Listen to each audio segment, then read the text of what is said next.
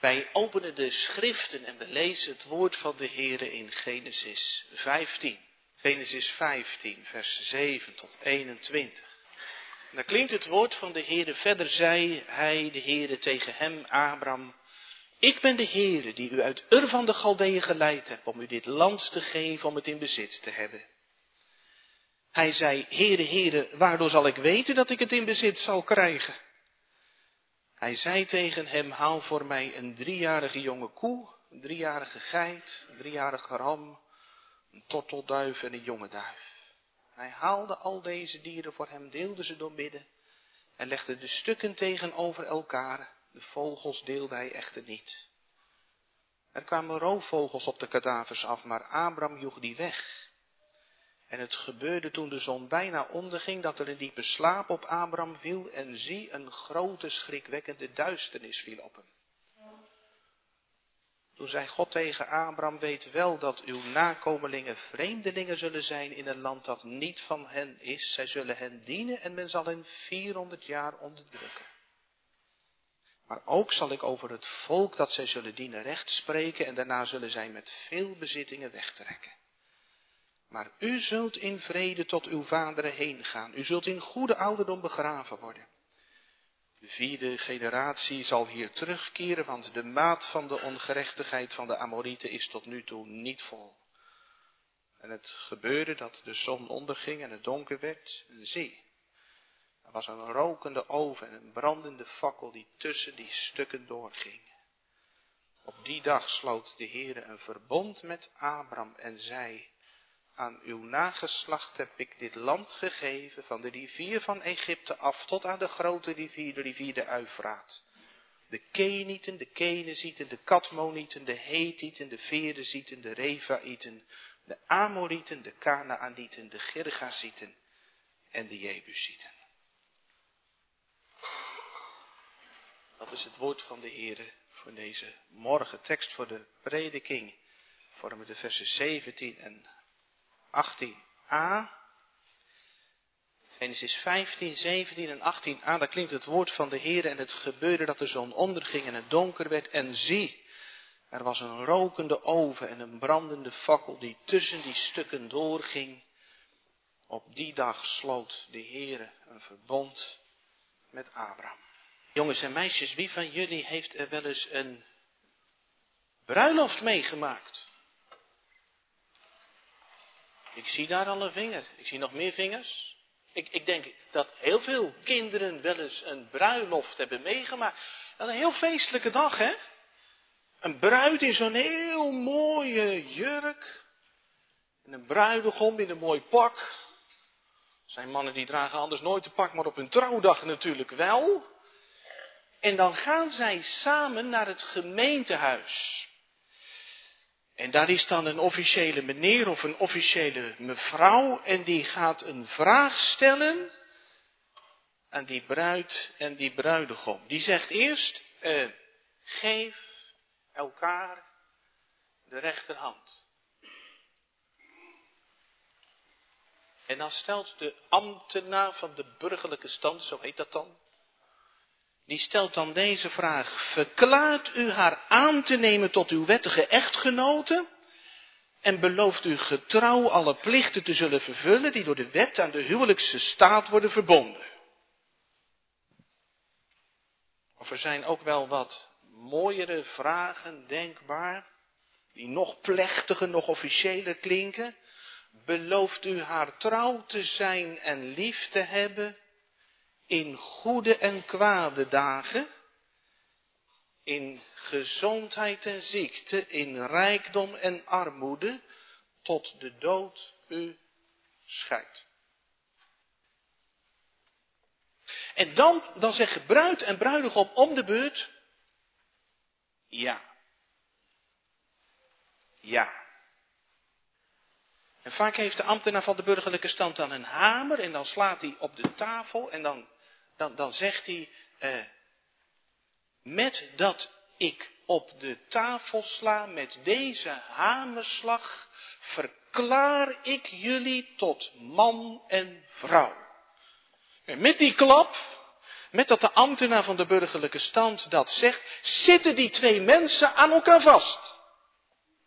Het waren zeg maar eerst twee losse mensen uit hun eigen gezin, met hun eigen weg door de tijd, maar ze kwamen bij elkaar en vanaf dat moment zitten ze aan elkaar vast, zijn ze aan elkaar verbonden.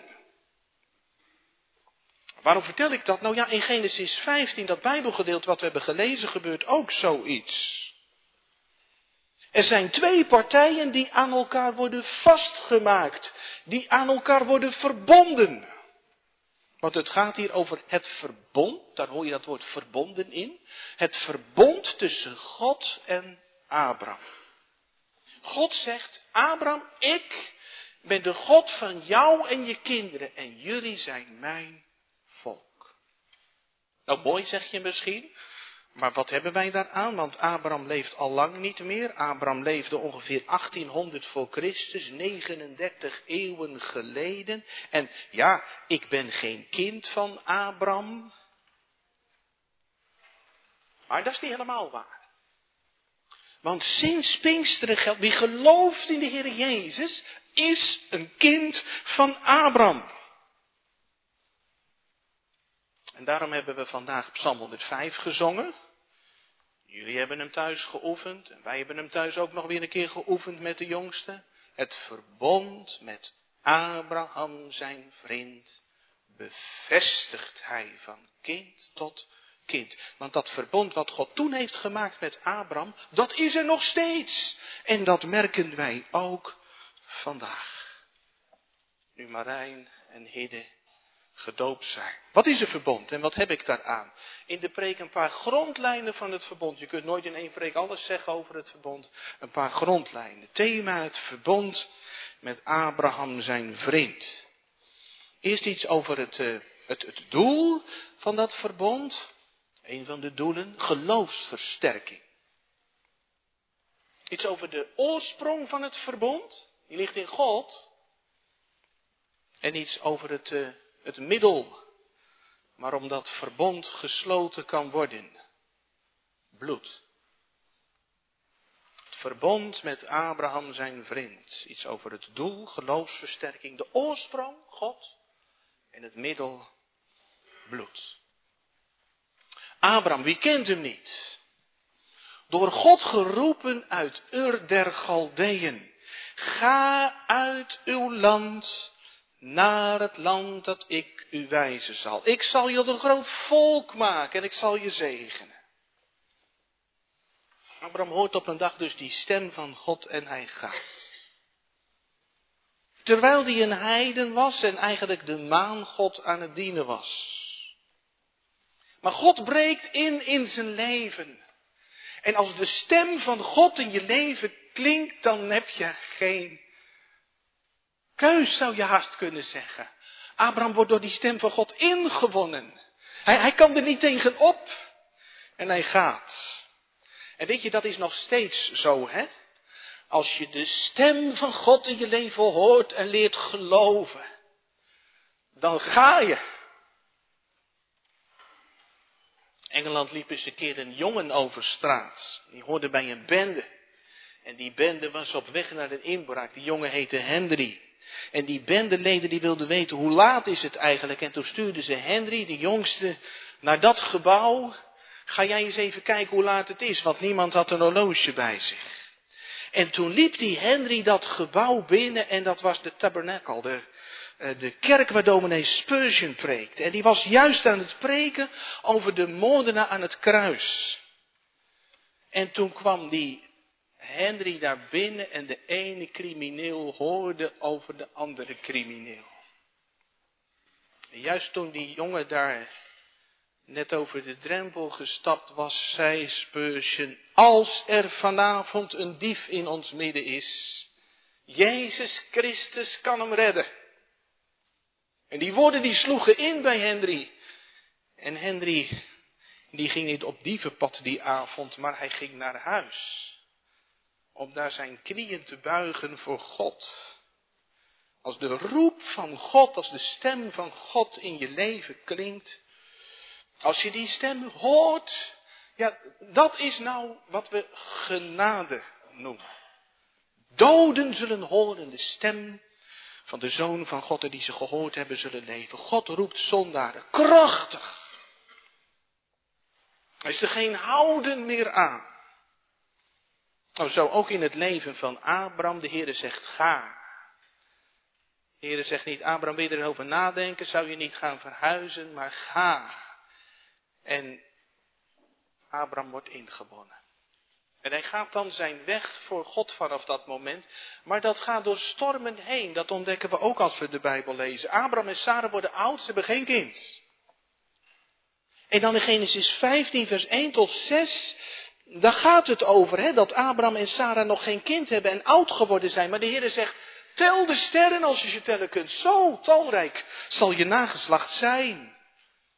En vanaf vers 7, wat we hebben gelezen, praat de Heere God nog weer verder tegen Abraham. Soms is het een hele poos stil in het leven van Abraham. Maar soms weet de Heer ook niet van ophouden. En misschien herkent u dat wel in uw leven. Hè? Dat het soms wel eens stil lijkt in je leven. Maar dat er ook wel eens tijden zijn. Dat het wel lijkt alsof de Heer maar niet ophoudt. En keer op keer komt Hij naar je toe.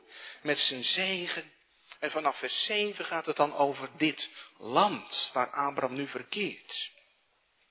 Want God wil zijn eigen stukje grond op zijn eigen aarde, een land waar het eraan toe zou kunnen gaan, zoals de Heere God eigenlijk met heel de aarde voor ogen heeft. Een land dat de voorbode zal zijn van zijn koninkrijk. Maar goed, als Abraham door dat land trekt, en dat doet hij voortdurend, dan ziet hij dat er andere volkeren wonen. En jongens en meisjes, heb je dat trouwens geteld toen we, toen, toen we, toen we lazen net uit de Bijbel? Hoeveel, hoeveel volkeren worden er genoemd in Genesis 15? Vers, vers 19 tot 21. Kan iemand dat gauw tellen? Hoeveel tel je er? Ik heb er tien geteld. Ja, twee handen vol. Twee handen vol. Een volheid. Je hebt tien vingers. Er zijn tien geboden. Als er tien Joodse mannen bij elkaar zijn, kan de Joodse synagogedienst beginnen. Als Abraham door dat land gaat, dan, dan, dan, dan ziet hij, het, het is hier bezet. Het is hier al vol. Dit land is van, nou ja, en noem dan maar de namen van die tien volkeren. Abraham kan twee handen vol bezwaren inbrengen tegen wat God belooft. Abraham wil het wel geloven. Want ja, als je een groot volk krijgt, dat, dat volk dat moet ook ergens wonen, maar het is zo groot. En daarom vraagt Abraham aan de Heere, waarbij zal ik weten dat ik het in bezit zal krijgen? Misschien doe jij dat ook wel eens, hè? Als je vader iets geweldigs belooft. We gaan, uh, we gaan in de vakantie een dagje daar of daarheen. En ja, ja, dat had je nooit durven dromen. En je zegt, hè, e, echt? Hand erop. Abraham vraagt ook aan de Heer, Heer, dit land, voor, voor mij en mijn nageslacht, hand erop. Is het echt? Het is haast te mooi om waar te zijn. Heere, help me om dit heel vast te geloven. Dus eigenlijk is het een prachtige vraag. Ik word eigenlijk altijd wel blij als mensen daarnaar op zoek zijn in hun leven. Om heel vast de belofte van de Heer te geloven. Want geloof is niet wiskunde, hè? Dat je er een rekensom van maakt. Nou ja, ja, uh, ja, natuurlijk, wij zijn zondaren, maar de Heer Jezus is voor de zonde gestorven. 1 en 1 is 2. Dus waar hebben we het eigenlijk nog over? En de Heer zal vast wel onze zonde vergeven. En als je de Heer God leert kennen en oog in oog staat met een heilige God. En je ontdekt tien geboden overtreden, twee handen vol. Ik heb tien dikke redenen om te twijfelen of ik wel welkom ben bij God. Ik ben misvormd door duizend zonden. Dan, dan piep je toch wel eens anders in je leven. Of heb u nooit last van twijfel, aanvechting? Heer, ik verlang ernaar om heel vast te geloven dat ik bij uw genadeverbond behoor.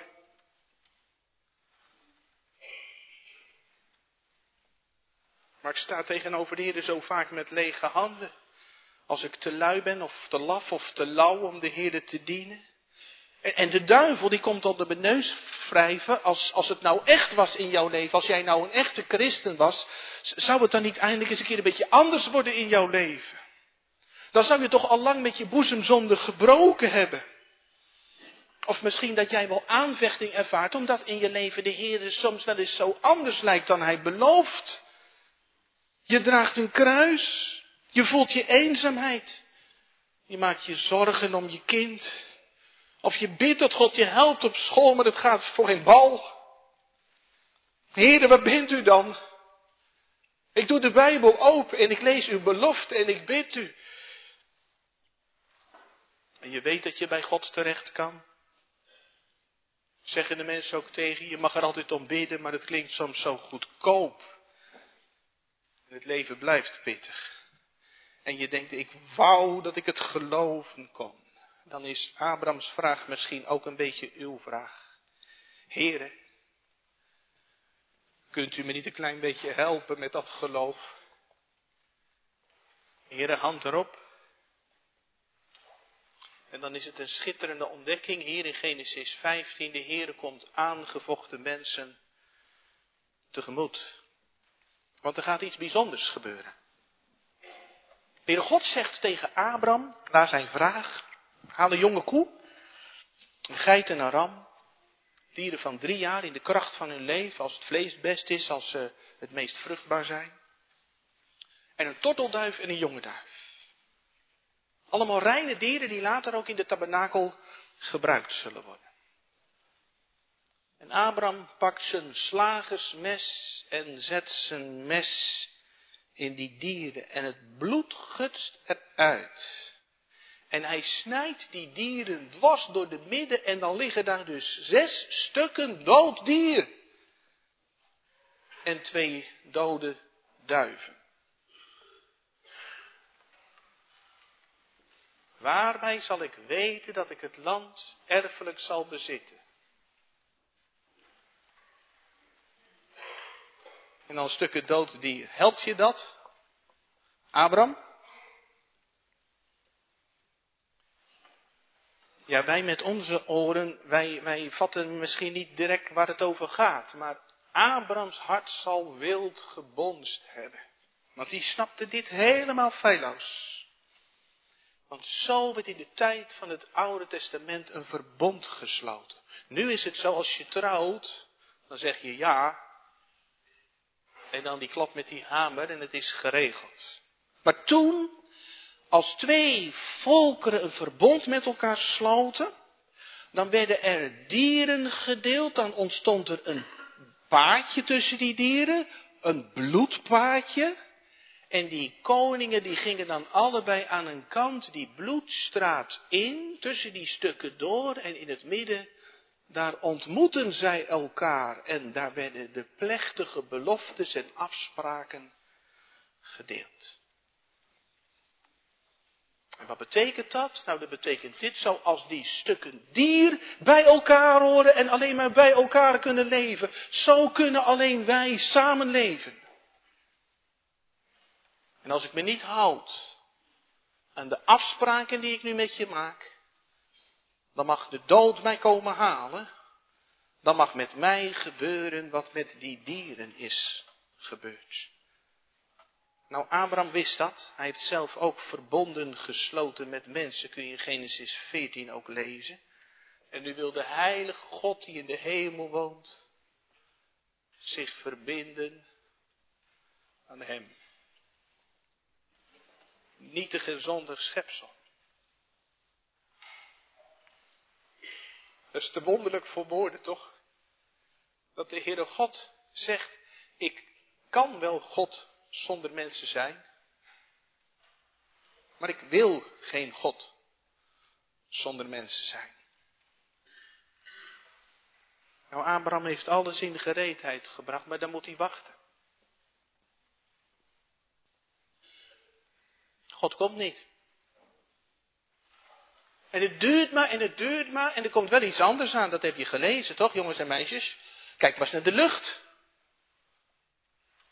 Er komen allemaal roofvogels op die dode stukken dier af. Misschien heb je wel eens een roofvogelshow gezien. Ik heb het er niet op. En die scherpe snavels en die, en die klauwen en die gemene ogen. En, en dan komen ze zo hè, aanvliegen en ineens laten ze zich zo vallen. Nou, dat doen ze ook hier. En, en, en Abraham heeft ze vast horen krijsen, alsof ze Abraham uitlachen. Waar is die God van je? En dat betekent dat Abraham in de benen moet. En in gedachten zie je hem met zijn stok rondzwiepen om die dode stukken dier heen.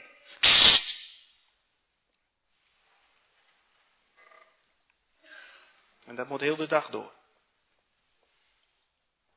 Totdat het avond wordt, staat er in Genesis 15. Abraham zal er moe van geworden zijn. En misschien heeft hij wel eens tegen die beesten ook geschreeuwd: Houden jullie nou nooit op? Wegwezen hier! Het verbond is nog niet gesloten. En gemeente, wat er staat over die roofvogels, dat, dat, dat is vast niet zomaar een detail. Want in het Oude Testament zijn roofvogels beeld voor de heidenen die het gemunt hebben op dat land. Die roofvogels willen het verbond van God torpederen. En als ik het zo zeg, dan komt het ineens ook akelig dichtbij, vindt u niet? vliegen nog steeds roofvogels. Die het gemunt hebben op de relatie tussen God en ons. In Efeze 6 schrijft Paulus over de geestelijke boosheden in de lucht. Die als roofvogels het gemunt hebben op ons en onze kinderen. En misschien roep je ook wel eens als opvoeder tegen die geestelijke boosheden in de lucht, die roofvogels. Houden jullie nou nooit op? Deze kinderen zijn niet van jullie, maar van God. Roofvogels die bezig zijn om te voorkomen dat wij in onze kinderen het hemels Kanaan beërven. Roofvogels die alle kostbare genadetijd van je kind opschrokken. De wereld gaat Marijn en Hidde inpeperen. Volg je hart. Doe wat jij wilt. En dat zeggen die roofvogels niet één keer, maar iedere dag. Misschien wel honderd keer op een dag. In plaats van wat Psalm 119 zingt. Waarmee zal de jonge man zijn pad zuiver houden? Voorwaar, als hij het houdt naar uw woord. Aan Abraham de taak om die roofvogels te verjagen, om ze te bestrijden. Aan ons als uh, doopouders, als opvoeders de taak om uh, de roofvogels te verjagen. Opvoeden kost bloed, zweet en tranen. Dat is niet een bijbaantje. Daar ben je heel de dag druk mee. Tenminste, dat lees ik in Deuteronomium 6, toch? Deze woorden, die ik u heden gebied, die moeten in uw hart zijn. Moet je jezelf eigen maken. En je moet ze bij je kinderen inprenten en erover spreken. Thuis en als je over de weg gaat. In je vrije tijd en je werktijd. Als je neerligt en als je opstaat. Alle momenten van de dag. En je moet ze op de poorten van je huis zetten en op de poorten van de stad. Het privéleven en het openbare leven. En je moet ze binden op je hand en op je voorhoofd. Dat woord van God, dat moet leidend zijn voor je doen en laten en voor je visie. Een hele dagen zoet mee. En wat een kniewerk. Omdat je merkt hoe zwak je bent zelf. Heren, ik leg de namen van mijn kinderen in uw handen. Gij weet hoe mateloos de wereld hen zal haten. Als zij niet in het schema van de wereld zullen gaan.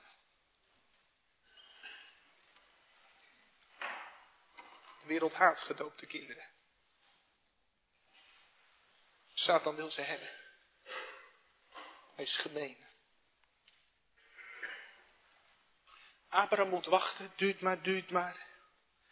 En dan gaat de zon onder en Abraham valt in slaap.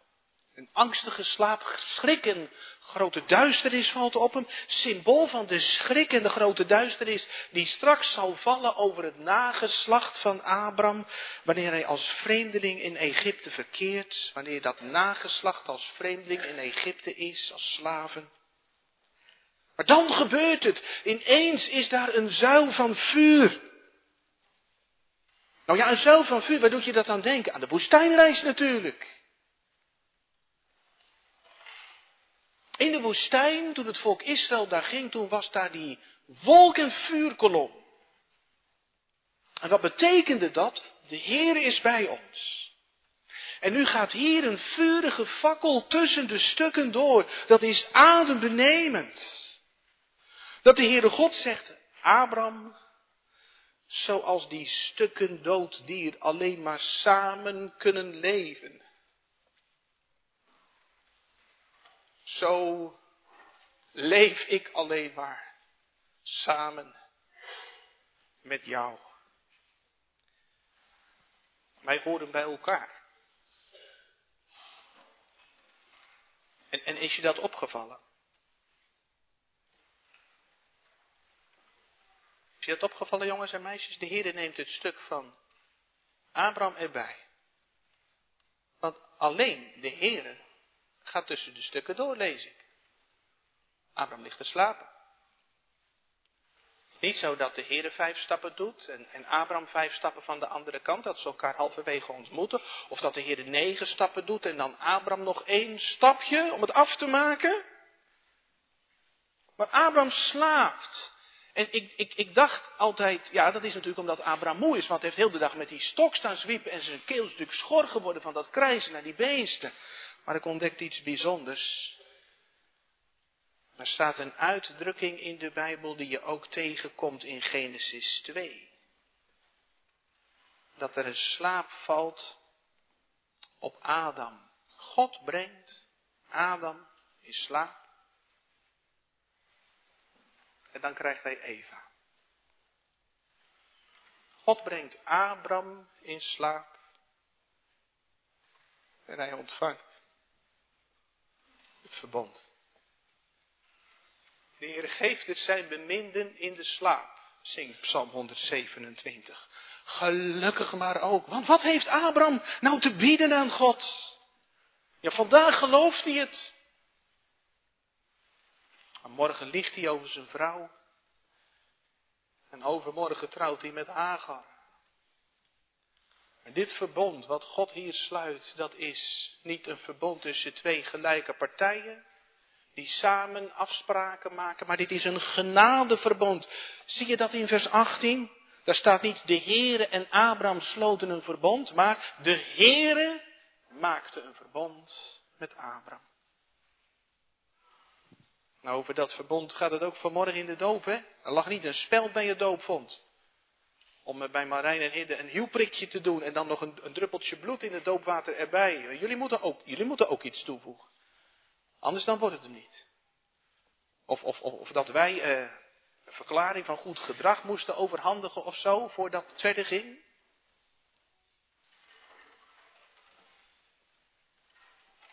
Bij het huwelijk, daar is het Geef elkaar de rechterhand. Maar in de kerk is het, u hebt mijn rechterhand gevat. Helemaal bij God vandaan.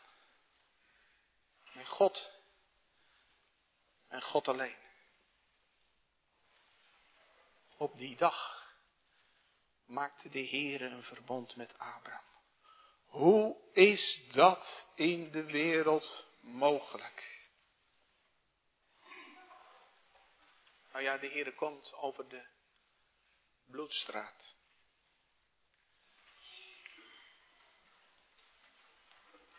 Bloed van die dieren die later ook geofferd worden in de tabernakel en in de tempel. En dat bloed dat is natuurlijk een heenwijzing naar onze Heer Jezus Christus, de ultieme zondebok. Want die nacht van Abraham, waarin God komt, doet denken aan de nacht van Bethlehem. Toen God kwam in zijn zoon. En de nacht van Golgotha. Toen Jezus daar aan stukken ging.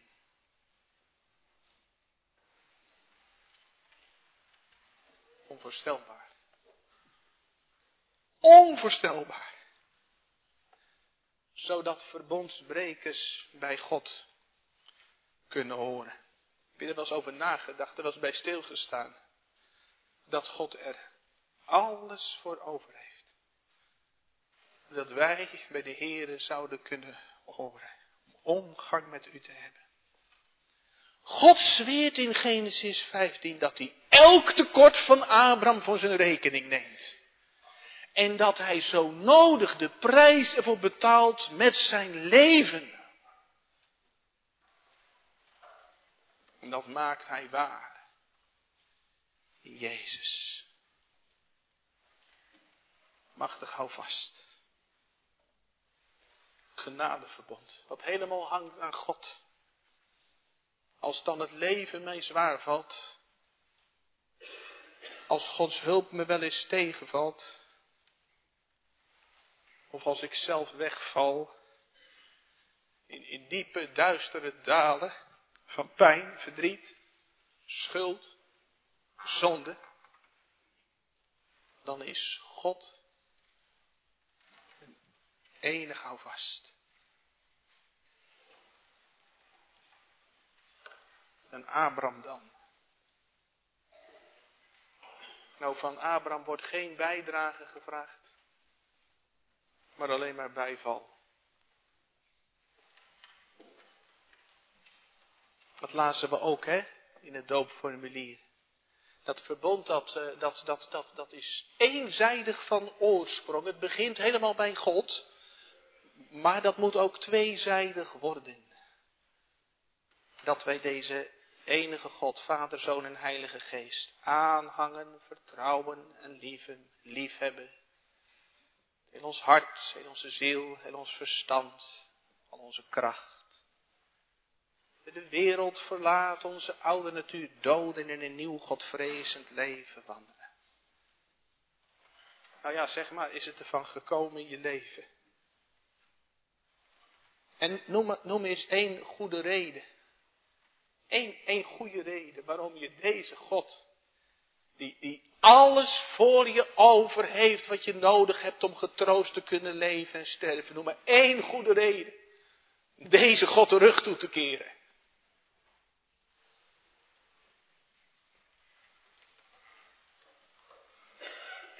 Wandel voor mijn aangezicht en wees oprecht. Dat is de opdracht die Abraham krijgt. Twee hoofdstukken verder. En als God is zoals hij is, hij is zo, dan moet je er toch niet aan denken dat Abraham God de rug toekeert. Onvoorstelbaar. Als je het bloed van het verbond onrein acht en aan deze God voorbij gaat. Weet je, dat is zo aangrijpend. Niet heel Israël is in Canaan gekomen. Zijn er velen door ongeloof gebleven in de woestijn omgekomen. Niet te filmen. Zoveel liefde voorbij gaat. Als je het voor kennisgeving aanneemt en je schouders ophaalt. Doe dat niet. En, en, en, en als wij soms uit zwakheid, of misschien meer dan eens of heel vaak uit zwakheid in zonde vallen. Ook dan moet je aan Gods genade niet twijfelen en ook niet in de zonde blijven liggen omdat de doop een zegel en ontwijfelbare getuigenis is. Dat wij een eeuwig verbond der genade met God hebben. Dat blijft staan wat God zegt. Die ontrouw van Israël, hoe vaak zijn ze niet achter de afgoden aangegaan? Dat maakt de trouw van God niet ongedaan. Dat maakt zijn verbond niet kapot. En als je wil weten, waarbij zal ik het weten dat God betrouwbaar is? Heb je wel eens gehoord van de staat Israël in 1948 opgericht? Zoveel eeuwen later toont God dat hij denkt aan wat hij heeft gezegd. En als je er nou mee zit, hè. Je, je hart zo droog is als wat. En dat het maar zo heel lastig gaat om je leven te wijden aan God en de zonde in je hart te doden. En je denkt, ja, die nieuwe gehoorzaamheid, het lukt me zo slecht. Dan moet je maar doen net als die jongen die heel graag naar een concert wilde. Maar ja, wat, wat heb je nodig als je naar een concert wil? Veel concerten. Heb je een kaartje nodig. Maar als je geen geld hebt, dan heb je een probleem. En die jongen die ging naar zijn vader. Papa, wilt u het betalen? Nou, dat is het met bekering en geloof. Je hebt het nodig, maar je kunt het niet betalen. Je kunt het niet zelf maken. Maar je mag naar de Here gaan. En aan de Here vragen. Here, wilt u het me geven? Weet je wat de Heer dan zegt?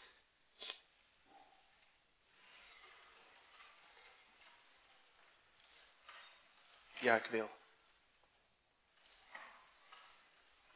Hand erop. Denk maar eens aan je doop. En de Heilige Geest wil me leren eruit te leven. God komt steeds naar ons. In zijn woord en in het sacrament. En de Heilige Geest wil erin meekomen, zodat je gaat zeggen, Heere, ik geloof dat u zondaren tot kinderen van u maakt. Ook mij.